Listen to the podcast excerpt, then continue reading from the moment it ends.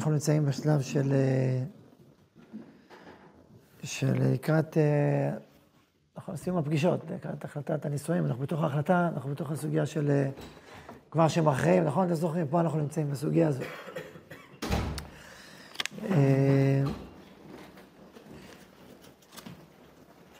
דיברנו על זה שההחלטה צריכה לבוא מתוך מכלול, מכלול התפיסה של הקשר, יש יתרונות גדולים, גם אם יש חסרונות, נכיר בהם.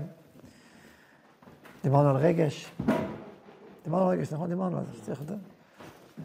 מה קורה שאין רגש בכלל? מה אמרנו? לא להתחתן. הפשט הוא לא להתחתן. אלא אם כן, מדובר בגיל מאוד מבוגר, יש בעיה מאוד ספציפית, אה, או אנשים שלא אכפת להם. יכול להיות שיש אה, גם איש גם אישה, הנושא הזה לא חשוב להם, הם בסך הכל רוצים אחד את השני, וזה רגש, כמה, הנושא הזה לא מעניין אותם כל כך. נדיר, אבל אה, יכול להיות. אני הכרתי אנשים, לא שזה לא מעניין אותם, זה פשוט מתורגם באופן קצת אחר, הרבה יותר מעשי, הרבה יותר אה, שיתופי, פחות רומנטי. זה סוגי אנשים. יישר כוח. אז... אז אם לא, זה לא חשוב להם כל כך, בסך הכל מה שיש להם, בסך הכל חיים טובים, שמחים, מצוין. לא יכול זה. אבל אם זה אנשים שזה חשוב להם, ולרוב האנשים בדור הזה זה חשוב, אז ו... ו... אז לא להתחתן. אני אומר הדבר הכי פשוט, אחרי, החתונה מסבירים לאיש כמה זה חשוב, שהוא אמר לאשתו שהוא אוהב אותה, וזה דבר כל כך חיוני, ובלי... יש איגרת של חזון איש שאומר שהאישה, בעלה זה כל עולמה. ואם לא, הוא מרגיש שהיא לא, שהיא לא אוהבת אותו, הוא לא אוהב אותה, אז היא מה... זה אסון בשבילה. אוקיי, אז, אז צריך לפני שזה יהיה, אחרת אה, אתה לא יכול להגיד לפני החתונה, זה שטויות, זה רגש, שקט במשיכה, רק במה נקט במשיכה, זה לא חשוב, זה, זה שטויות, זה חומרי, זה חיצוני וכולי וכולי. ואחרי החתונה להגיד שזה הדבר הכי יקר, זה לא עובד ביחד. אי אפשר לסתור את עצמך בצורה כזאת קיצונית, בלפני ואחרי. ולא רק זה, כתוב כיסוס חתן מהכלא, יסיס עלייך אלוהיך. על מה האדם שש בדיוק. יש אנשים שלא, עצם שמתחתנים זה גורם לסוס, בסדר. רוב האנשים, הקשר הזה ביניהם, והיחד שלהם, והברכה שיש ביחד הזה, זה גורם להם לשמוח. זה הפשט. ו... ולכן הנושא הזה הוא נושא חשוב. עכשיו, יש דרגות, יש להיות מאוהב ממש, ויש אדם שמח, אדם מתגעגע, לא חייב להיות דווקא הדרגה הכי גבוהה. וזה כן נכון שבאמת יש תהליך של צמיחה. כלומר, בזוגיות טובה, מפותחת, אז הרגש מתעמק ומתפתח ו, ו, וגדל, והשמחה וה, והאושר בקשר הזה גדלים. בשונה מהתפיסות החיצוניות, הפשטניות, שכאילו בחתונה זה הפסגה, לא, זה, זה סוג של פסגה, אבל זה, יש בזה משהו שהוא, שהוא לא אהבה ושמחה, זה נכון לגמרי, אבל עם זאת צריך לדעת שזה... קרקע לקשר הרבה יותר עמוק והרבה יותר משמעותי, שבתהליך נכון צומח ומצמיח בהמשך הדרך. אתה הרבה יותר מכיר לעומק את האישה, והיחד שלכם מתברך ומתעמק, והחברות מתעמקת. אה, ולכן הקשר, קשר טוב הוא אמור לגדול ולצמוח, ולא לרדת מהחתונה יורדים, יורדים אחורה. עכשיו, אה, כמו שאמרתי, במצב ש... שאין בכלל רגש, אז לא כדאי, עדיף לא להתחתן במצב כזה. אה, אם יש קונפליקטים ושאלות וזה דברים לא ידועים, שאלת חכם. ואני רוצה עכשיו להתייחס לכמה כמה מילים לנושא של שאלת חכם, שכל פעם הפנינו לשאלת חכם, ועכשיו נתייחס לזה קצת, נעמיק בזה. כן, גופה. גופה שאלת חכם מהי? לפעמים אדם נמצא באיזשהו, באיזשהו צומת שקשה לו להחליט, או שהוא טיפוס שקשה לו להחליט. יכול להיות זה או זה. ואדם אומר, בוא לחכם, בוא תחליט בשבילי.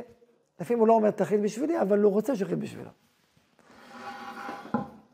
כדאי לחכם לא להחליט בשבילו, אם הוא חכם. על פי רוב שלא יחליט, למה? כי מה קורה אם אחר כך יש בעיה?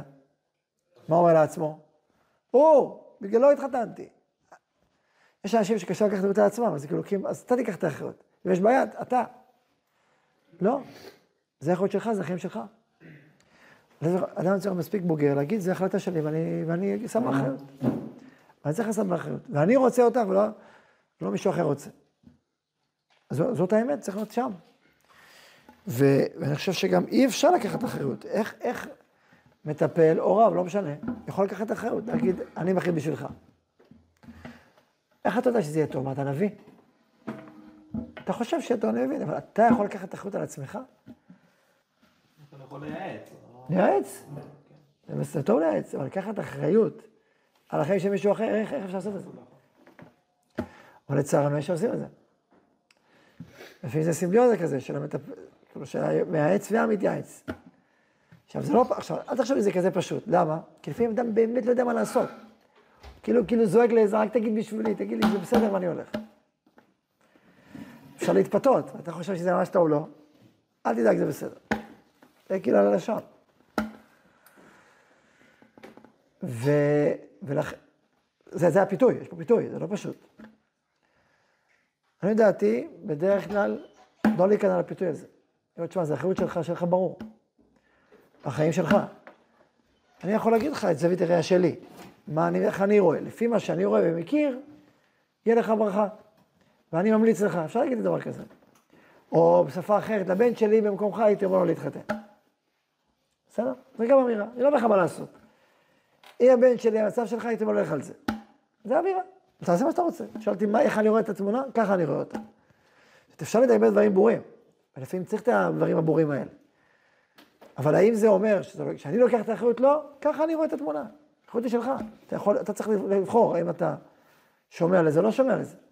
בסוף אם יהיה בעיה, אתה תתמודד איתה. אבל אני אומר לך, מה אני רואה? אם אתה רוצה בכל אופן, זווית הראייה הזאת. ההבחנה, ההבחנה, האחריות היא עליך. גם כרב. הרב יכול לקחת אחריות. יכול להגיד, לפי זווית דעה שלי, זה נכון. יכול להגיד, לפי התורה, יש מצווה להתחתן. לפי אני אמרתי את זה כמה פעמים. יש מצווה להתחתן, תדע לך, זה לא רק... אה, לפעמים אתה צריך את הכוח הזה שיש מצווה. אבל אתה צריך לרצות, ושיש פה חיבור נכון, וכולי. עכשיו, שאלת השאלה, מה קורה כשהולכים לרב מקובל? כשהוא רואה, הוא אומר לך, תשמע, ככה זה נכון. אני אומר לך, ככה זה נכון. שאלה, לא? זה לא מטריד אתכם השאלה הזאת, אני רואה. לא חשבתם לעשות את זה אף פעם. נכון? ככה אני רואה פה... בכל אופן, אני אתייחס לזה בשתי מינים. מה?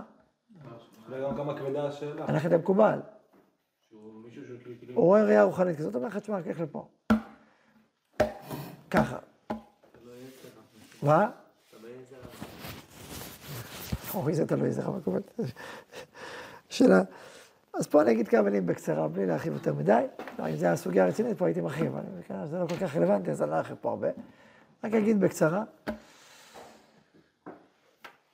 אין לנו נביא היום. אין נביא. שיכול להגיד דבר השם ככה, שיכול להגיד מאה אחוז.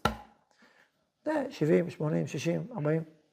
עכשיו, מי שלא רואה ראייה רוחנית בכלום, אין בעיה גם, הוא לא רואה כלום, אז הוא אומר. איפה הבת מתחילות? מי שרואה חצי. יש על זה ראייה רוחנית, הוא, יש לו ראייה יותר עמוקה, הוא אומר לך איזה משהו, והוא גם קולע לחלק מהדברים, אבל לא לכל הדברים. אבל אז, ואז יש בעיה, כי הוא יכול לטעות. עכשיו, יש גישה של חסידים ואדמו"רים. כלומר, זה החסיד, זה האדמו"ר, אני שומע בכל האדמו"ר מה שאדמו"ר אומר, אני עושה. האם האדמו"ר טועה? אין דבר כזה בלקסיקון. אדמו"ר לא טועה, מקסימום משמיים, הוא ראה, זה תן לך משמיים. עכשיו, אם אדם נמצא בגישה הזאת, אוקיי, שילך לאדמו"ר. זה בסדר, גישה חסידית שהיא, שהיא בנויה בתוך עצמה. ו, ואני גם לא מזלזל בזה, אגב. כי... אז תחזור לעצמם, אדם לא הולך ליועץ טוב. יועץ אנשי טוב, איכותי, שרוב הפעמים העצות שלו טובות. ולפעמים לא. בסדר, אז זה, דרך. הרי גם אם אתה הולך עם העצות של עצמך, לפעמים אתה גם טועה, נכון? מה אתה אומר שאתה טועה? טעיתי, מה לעשות, נכון? בכל אופן, שאני הולך עם העצות של עצמי, כל פעם אני צודק. אז גם אם אתה הולך עם אדם חכם, זה אומר במישור הפשוט, שרוב הפעמים קולע, והוא צודק, והוא עוזר לך, בסדר, אבל לפעמים הוא טעה, לפעמים טעה, מה לעשות? משל מעולם אחר, הווייז. ללכת עם הווייז או לא? מה אתם אומרים? תראה, יש לו ראייה אחרת, הוא רואה מלמעלה. הוא רואה מראש, הוא פתאום מביא לך לדברים שלא האמנת והוא קולע. אם הוא צודק על הדקה לפעמים, ממש מדויק. אבל לפעמים, או טועה. אה? לאיזה כפר, לפעמים הוא מבלבל אותך, לפעמים פתאום, יש צורך, פתאום הוא מעלה לך את הזה. רגע, אמרת שעה, איך עלה לשעתיים? עלה. אז זהו, לא ראה. עכשיו, לא, הווייז, אתה רואה, הוא לא רואה. בבני אדם אין פה איזה הכרזה. לא ראיתי את זה מספיק טוב, עכשיו אני רואה את זה יותר טוב. בדרך כלל לא טורחים להגיד את התוספת הזאת. זה כאילו תבין לבד. פה אומר כן. אז, אז קחו את המשל של הווייז, לסמוך על הווייז או לסמוך על הווייז, מה אתם אומרים? מה אתם עושים בפועל? סומכים עליו. סומכים, נכון? לא סומכים על הזמן, פשוט סומכים על סומכים או לא סומכים? אם סומכים, אה, אבל הוא טועה. נכון, יכול להיות, יש סיכוי כזה, אבל עדיף, אולי, בוא נגיד, עדיף מאשר אני. נכון, זה הסבורה. אוקיי, זה הסבורה, זה סבורה, אפשר ללכת עם זה. אבל שווה ללכת עם זה עם מישהו שצדק עשר פעמים וטעה פעמיים, ולא עם מישהו שצדק חמש וטעה חמש. נכון? אגב, גם ברואי זה דעתי, צריך לשיקול דעת. סתם, עצה טובה. לשיקול דעת, לפעמים עושה טעויות, סתם. אל תתמסרו אליו. אה, תפעיל שיקול דעת. אני אביא שיקול דעת ומצליח. לא תמיד. לפעמים אין לך שום, כלי, אז בסדר. אין לי שום, אה, מושג, אז בדרך כלל הוא צודק יותר, אז עדיף ללכת איתו. זה נכון. אבל לפעמים, אם אתה מכיר את האזור, וזה לא לך הגיוני מה שהוא עושה, למרות שאם אכן הוא צודק וזה לא הגיוני, אבל בכל אופן הוא צודק, עדיין, אבל אם הוא פשוט טועה, פשוט טועה. זה יותר את הזמן, לא נראה לי, אני עושה אחרת. זהו. מה? אני אומר שלא ביטול. אני אומר כהדרכה, כ... איזה בן אדם אתה? הוא אמר, רגע, אני חושב, כן או לא? לא, אז לא. אה, אבל הווייז אמר, לפעמים תטעה מה תגיד. אני מקסימום תגיד שטעיתי, אז מה? זה נראה פה לא לסמוך עליו. אל תסמוך. וזה מועיל. עכשיו, בחוכמה צריך, יש לך היגיון, יש לך שכל, יש לך שכל. בשביל לסמוך על אחרים. זה חלק מסגנון. אז להבדיל, להבדיל, להבדיל, ראייה רוחנית. גם אם, תראו, להיות רוחני בדרגה של ווייז זה הרבה. זה צריך להיות אדם ברמה ממש גבוהה. אבל עדיין זה לא ברמה, זה לא מאה אחוז. אני לא מכיר, אני לא מכיר. הכרתי עשרות. והייתי בזה עמוק. לא מכיר מישהו ביכולת של מאה אחוז, לא מכיר. לא בדור הזה, לא בדור הקודם. תבינו לבד מה שאני אומר. לא בדור הזה ולא בדור הקודם, מי שהכרתי. אין מאה אחוז, יש טעויות. רק לא יכתבו אותם בספרים פשוט. בספרים כותבים, לא כותבים טעויות בספרים. לדעתי זה בעיה, כי זה יוצר תמונת מצב לא מדויקת על המציאות. אתה אומר, רק אם הייתי לידו, הכל היה מסתדר. חבל שאני לא פה, רק תדע... וזה לא נכון. זה לא נכון. זה פשוט לא נכון. לא הכל היה מסתדר, חלק וחלק לא. וחלק הוא לא יכול לעזור, וגם כשהוא יכול לעזור, לא תמיד הוא צדק. צריך לדעת את זה, זאת האמת על החיים. היי, האם זה אומר שלא היו המון פעמים, ובטח היו, אמרתי, קחו את המשל של הווייז, משל, זה לא אותו דבר.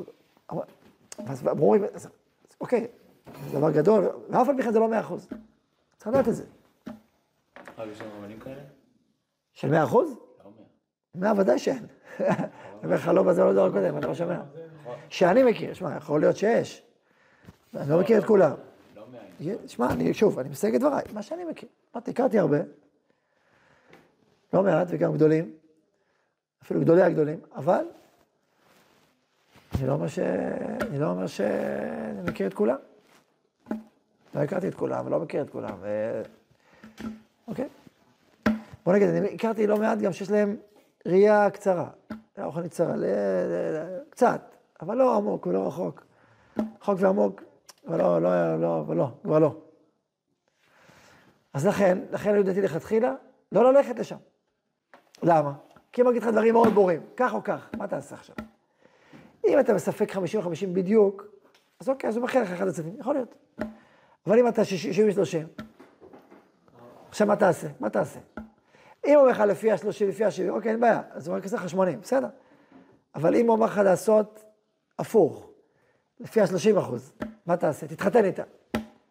או שאם אתה רוצה, אומר, לא, מה תעשה? עכשיו, אתה לא יכול לדעת, האם זה ראייה רוחנית ברורה, מה דרגת הראייה שלו, אולי זה בכלל מסברה ולא ראייה רוחנית. הוא לא תמיד אומר לך, זה סברתי, זה ראייה רוחנית, זה יכול להיות זכה, זה פחות זכה, הוא לא מנדב לך את כל המידע הזה, נכון? אז מה תעשה? מה תעשה? מה תעשה? אתה תקוע. לכן לכתחילה אל תלך. אל תלך. אלא אם כן, שתי קצוות. קצה אחד, אתה חסיד גמור. חסיד לאדמו"ר, שאומר, יכול להיות שתדבור איתי, אז מה זה משמיים מבחינתי? אני מכבד את הגישה הזאת, זה אפשרי, יש גישה כזאת. ואמרתי, בסך הכל, יכול להיות שבסך הכל של החיים, בגישה שמביאה הרבה יותר ברכה מאשר אדם ששומע לאדם צדיק, ואדם גדול, ואדם ישר, ואדם שמפלס את דרכו, ואדם נסמך עליו הכל, זו תפיסת עולמו, זה דרך. עכשיו, יכול להיות שיהיה טעויות כאלה ואחרות במהלך החיים בסך הכל, בסדר, ועדיין זה שווה. אבל הוא יגיד לעצמו, גם אם יש טעות, בסדר, משמיים ככה יצא, ככה שמו בפיו. אוקיי, בסדר גמור, זה דרך. אבל אם אתה לא חסיד גמור, ואם הוא טועה, אתה אומר לעצמך, איך הוא טעה? או אתה אומר, או אתה אומר, הוא לא טעה. ואתה חי בסרט, כאילו, אתה מסתכל, כאילו, מה אני טעיתי? אולי אני לא מבין את המציאות? כל מיני דברים כאלה, אתה כאילו חי באיזה סתירה פנימית, באיזה בלבול פנימי, זה לא. אז, אז אתה לא טעית. מה, אתה, אתה, אתה, אתה כאילו חי, אתה חי במציאות, בפועל, זה המציאות, כאילו מה. זאת אומרת, אחד מהשתיים. אז אם אתה חוסיד, וזה דרכך בחיים, לך על זה, בסדר? זה דרך, זה דרך, אני מכבד אותה, יש דרך כזאת. אבל אם אתה לא, ואתה רק כאילו, זה בעיה חמורה. אל תלך. או, אפשר ללכת גם כאי גבנה, בתנאי, שאתה מקבל את זה כעצה, ולא כפסק הלכה או כדברי נבואה.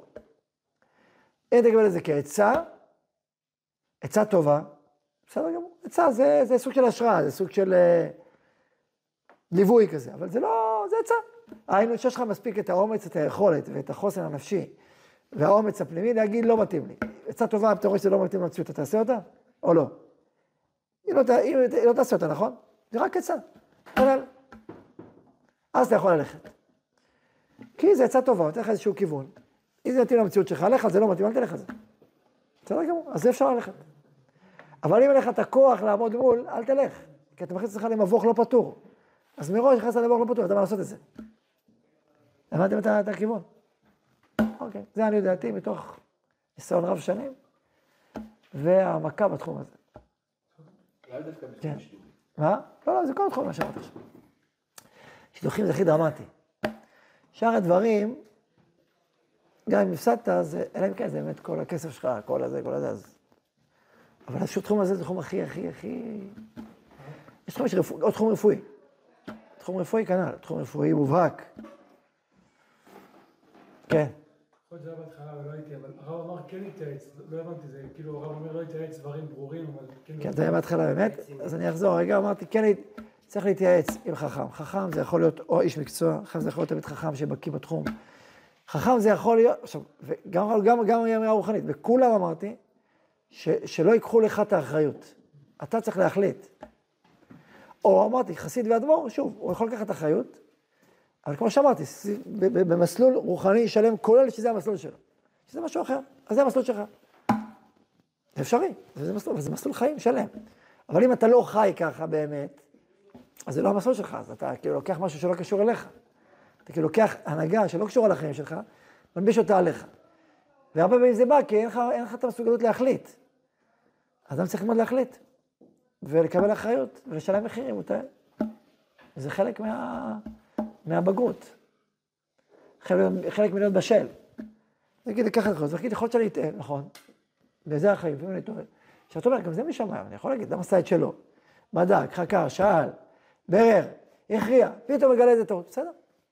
משמע, זה, זה לא משהו טעה, אתם מבינים מה שאני אומר.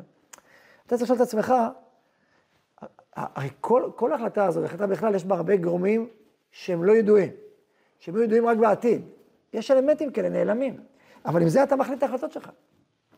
ועם זה צריך לקבל החלטות. עכשיו, גם אם אחר כך התגלה משהו, זה לא מה שטעית בהחלטה. לא טעית בהחלטה, החלטת נכון. היי, מאי, זה לא תלוי בך, נכון? יש בעל הבית לבירה, אתה לא בעל הבית, יש בעל הבית. אתה מאמין בו, אתה סומך עליו, שהוא עושה את הטוב והכי טוב. וגם אם חלק תגלה טעות, תגיד, הוא עשה טוב. זה הטוב לי, זה הטוב שלי, אבל זה רע לי נורא. נכון, אז מה? תאמין. פה האמונה, אמונה באלוקים. אלוקים האמונה המוחלטת. אמונה תמימה ופנימית, שכל מה שעושה לטובה הוא עושה, ושהוא בא לבית, ושהוא בא לבירה, ושהוא מוביל אותך לכי טוב שלך, ויש ניסיונות בחיים, זה לא קל. זה נכון, זה לא קל, אבל זה, הוא יודע מה הוא עושה. זה אמונה מוחלטת. יש לנו אמונה מוחלטת באלוקים, כן. זה האמונה. אמונה וביטחון וחיבור, לא תמיד זה קל, אבל זה אמונה מוחלטת. אבל באנשים, אם הוא נביא, כן, אם לא, לא. אמונת חכמים זה לא להאמין שכל מה שהוא אומר, אם הוא נביא, כן, אבל אם לא, לא. אמונת חכמים זה לתת אמון בחכם, שהוא צדיק ושהוא חכם, הוא רוצה בטובתך. עכשיו, זה דבר נפלא, שיש לך אדם חכם כזה, שהוא צדיק, ושהוא חכם ורוצה בטובתך, זה נכס. כי כמה תמצא כאלה, שהוא גם צדיק, הוא גם חכם, גם רוצה בטובתך וגם אצלך בחינם. שעה. על מה, למה שצריך בחינם? על מה ולמה? כל יועץ, אתה משם תמיד כלים. או כל ניסיון החיים שלו, וכל החוכמה שלו, הצדקות שלו, הכל עומד לשירותך, לטובתך, בחינם. זה לא נכס? זה נכס ענק. אם היא תתייעץ, כן. ומטפל מקצועי, הוא תמיד יודע, הוא לא טועה, הוא גם טועה. אז ברור שחכם וצדיק ורב, זה דבר גדול להתייעץ איתו, אם הוא בעל ניסיון, יודע את הגבולות שלו. וגם אתה יודע את הגבולות שלו. יש יותר, יותר חשש לגלישה מעבר לגבולות לשני הצדדים, אולי בצדיק וחכם. אבל גם במטפל יכול להיות הבעיה הזאת. אם הוא סמכותי מדי, ופולש מדי, ובעל הבית מדי, גם זאת בעיה. מטפלים נחרצים כאלה, ככה, ככה, מה אתה, מה אתה, מה אתה חושב שאתה בעל הבית? אתה לא בעל הבית, אתה לא יודע הכל. אתה גם לא יודע את כל הנעלמים, אז כאילו מה, למה אתה מדבר בשפה סמכותנית וטוטאלית כזאת? אם כן, אני מוכרח לומר, אספר סיפור. אספר סיפור. אני, אני אומר את העקרונות מה שאני אומר ברורים, אבל אני גם אספר גם יוצא דופן. יש לי חבר טוב, צעיר ממני, ש... שנפגש עם איזה בחורה אחת, ו... ומאוד התלבט, כן, לא, כן, לא. ואז יש איזה תלמיד חכם אחד, יהודי, שהוא גם, גם מטפל כזה, חצי מטפל, חצי חכם, עושה גם בשידוכים. אמר לו, תשמע, תתחתן איתה, אתה עושה טעות. והוא אומר לו, ואני מוכן לקחת אחריות. אני לוקח את האחריות, אני מוכן לקחת את האחריות. אין טעות, זה לא תהיה טעות. ככה הוא אמר לו. כשהוא דיבר איתי, זה אמרתי לו, תגיד לי, מה זה? הוא מוכן לקחת אחריות. מילים בעלמא. כאילו, מה יקרה אם יהיה בעיה? מה זאת אומרת המילים האלה? מה, מה? אתה תשלם למישהו, מה אתה תשלם את הכתובה? כאילו, מה, מה בדיוק יקרה? מה, מה זאת אומרת המילים האלה, מוכן לקחת אחריות? מה, אתה תפתור את הבעיה, כאילו? אתה יכול לפתור את הבעיה מראש? סתם מילים. אמרתי לו, אל תשמע לו בכלל. זה מילים בלי כיסוי, זה צ'ק שאתה חותם עליו, אין לו כיסוי. אוקיי, עברו תקופה, ואז הוא הלך, הקשר הזה המשיך, הלך, חזר, היה תהליך אה, רב שלבי, ואז הוא הלך לזה מטפל, סביב, הקשר הזה. המטפל אמר לו, איתה? זה טעות חייך אם תתחתן איתה. בשום פנים ואופן לא. טוב, שמע, עבר עוד שלב הקשר, טה-טה-טה, הם באו לי כמעט להתחתן. אני, אני לדעתי היה שהוא כן צריך להתחתן איתה. שזה כן יכול להתחתן איתה, וזה מתאים לו, והוא צריך לעשות את הצד הזה. אבל בסדר, זה האחריות שלך, אבל זו דעתי.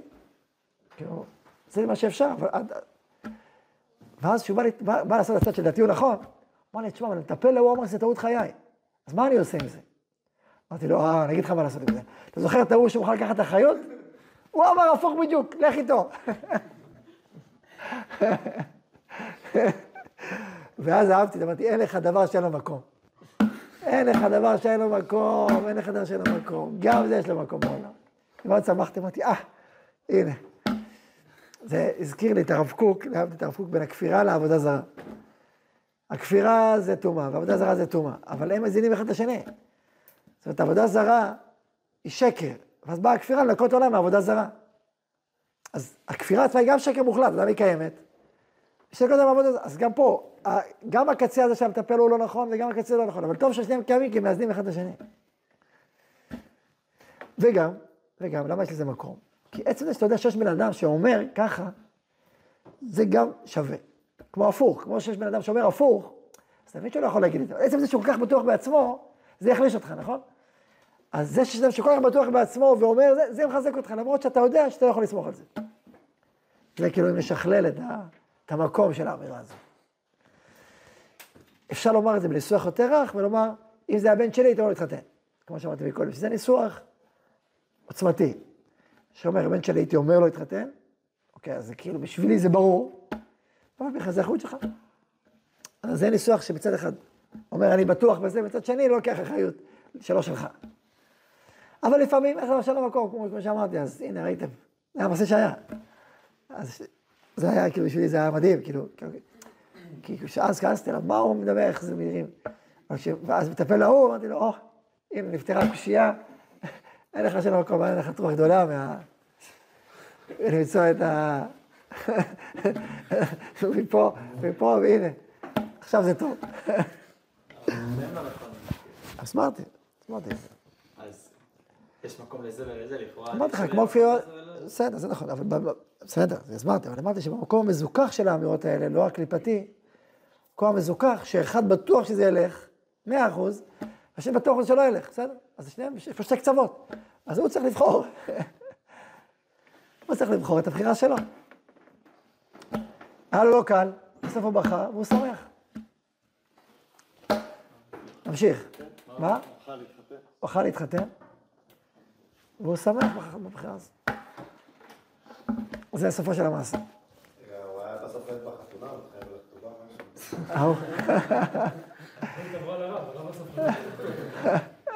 האחריות לא עוברת עליי, אחרי אני שושבין, אחריות שלו.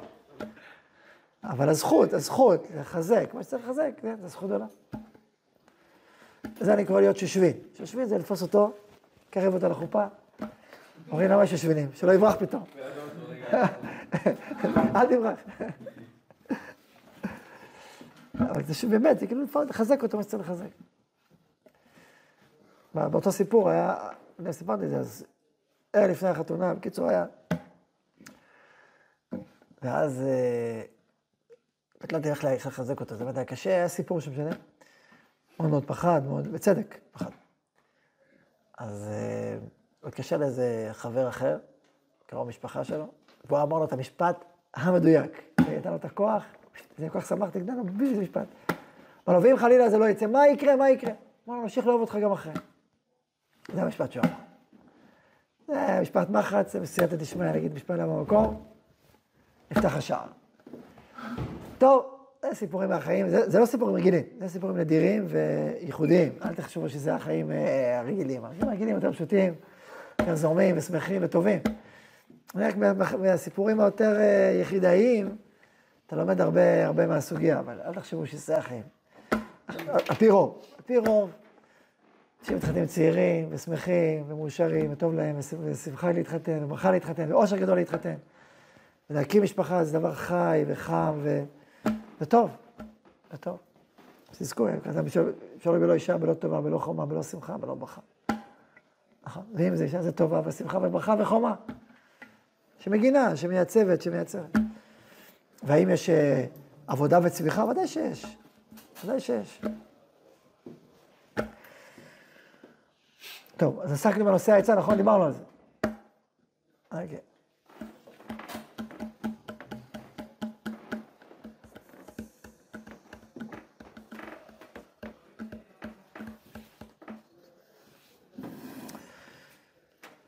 העצות המשובחות הן עצות שעוזרות לאדם לצמוח ולהבין איפה הוא נמצא ולקבל כוח מעצמו.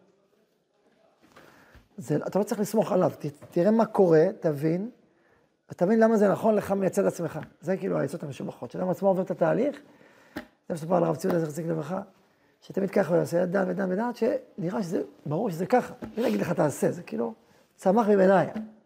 זה העצות המשובחות יותר, כאילו שזה... אם כי הרב ציודה עצמו, היו פעמים שהיה כמו רבה. זה- זה- יש כמה וכמה סיפורים. שאמר ככה, ככה, ככה, טח, טח, טח, לאלה שרצו רבה. אז אה, בסדר, יש דבר כזה בעולם. טוב, אז ואמרתי, אני מכבד את זה, כלומר, זה לא, אני לא יוצא נגד השיטה הזו, זה, כמו שמתם לב מה שהיה שדיברנו. אוקיי.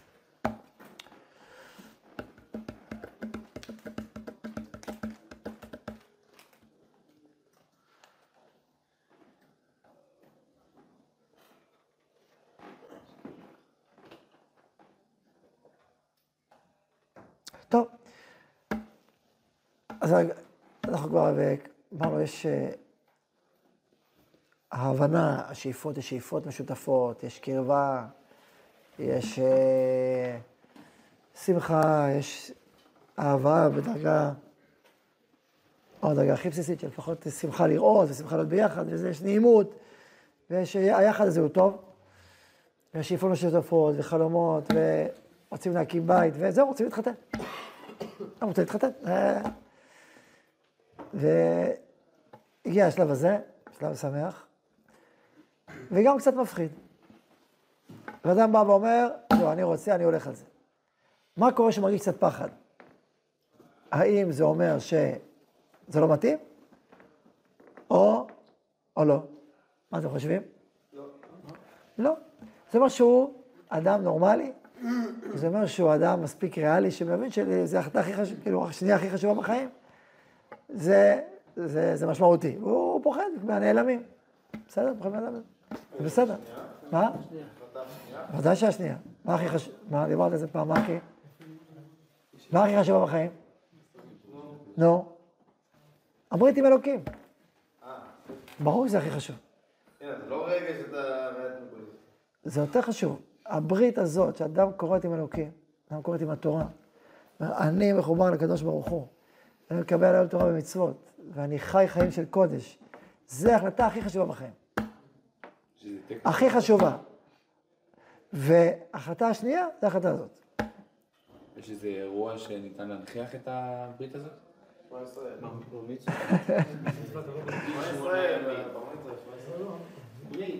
האמת, האמת, שמישהו, אדם פנימי, כל יום שהוא מניח תפילין, הוא קורא את הברית הזאת. מעורר אותה מחדש. שמע ישראל, כמו שאמרו, מוסר את נפשו, מוכן למסור את נפשו באחד. קורא את הברית. ברית שהוא עושה ברית ליד הבן שלו. זה זמן מאוד אה, משמעותי. קורא את הברית. כל שבת, שומר את השבת. אבל השאלה שלך במקומה, כי באמת, כי באמת זה לא אותו דבר כמו באופן הזה, אבל אני חושב שכן יש רגע כזה. אני חושב שראוי שיהיה רגע כזה. אולי בגיל 20, בגילים שלכם. בין, בין ה-19 ל-21, שאז לפי הסוד הנשמה מהירה, מהירה באדם. נפש, רוח, נשמה, נשמה מהירה בגיל 20, פחות או יותר. כשאדם עומד על דעתו, יכול למכור בנכסי אביו, ברמה הלכתית, כן, עד אז הוא לא יכול למכור בנכסי אביו, ברמה הלכתית יכול, הוא מספיק מספיק בשל ובוגר בשביל לקבל את הכרעות חייו. ואז אדם אומר לעצמו, כן, אני בוחר. הרגשתם את זה או לא הרגשתם?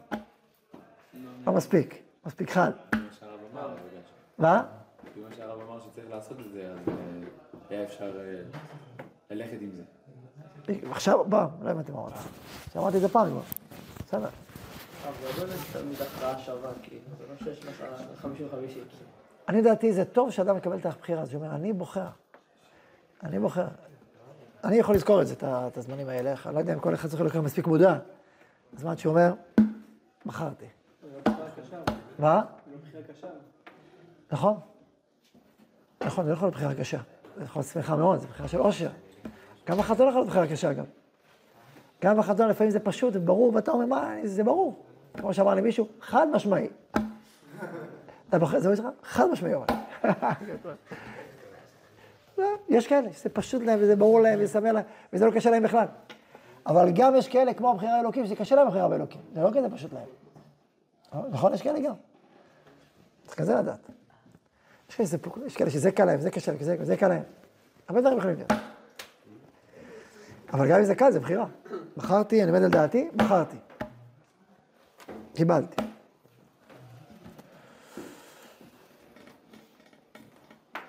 במילים אחרות, אני חושב שזה חשוב שיהיה בחירה כזאת, שאדם בתוך תוכו יבחר. בתוך תוכו יבחר. ואני חושב שמידת החופש המתאימה נמצאת בגילים האלה, 18, 19, 20, אתה יכול לבחור לעשות מה שאתה רוצה. בגילים יותר צעירים, הנוכחות של ההורים הרבה יותר חזקה וכולי וכולי, באופן דרך הטבע. בגיל הזה, באופן טבעי, יש לך הרבה יותר מרחב אפשרות. אתה יכול לבחור. אתה בוחר.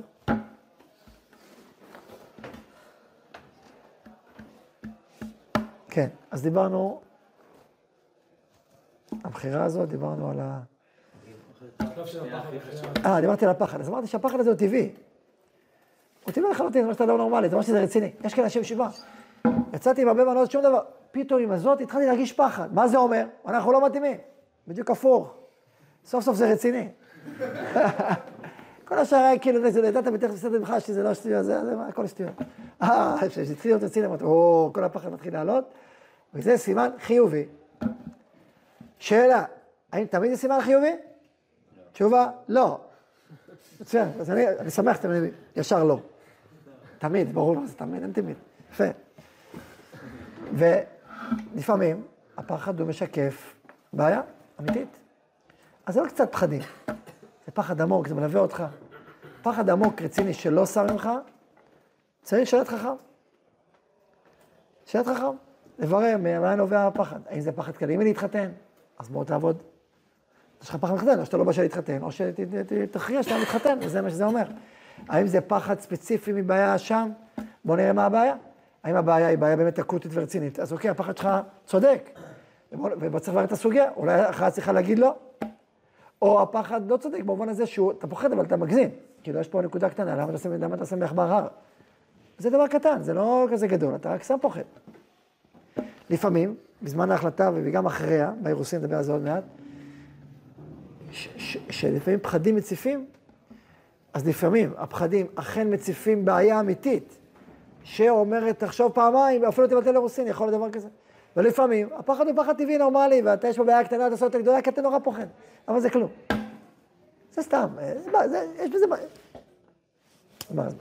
אז, אז כבר, כבר קפצתי טיפה לשלב הבא, אבל זה הבחירה, ואז צריך לקבל את ההחלטה. אני רוצה, בשבוע הבא, בלי נדע, פעם הבאה, אני רוצה לדבר על ההחלטה הזאת קצת, וגם על הצעת אירוסין, הצעת נישואין. אני רוצה לדבר על זה כמה מילים.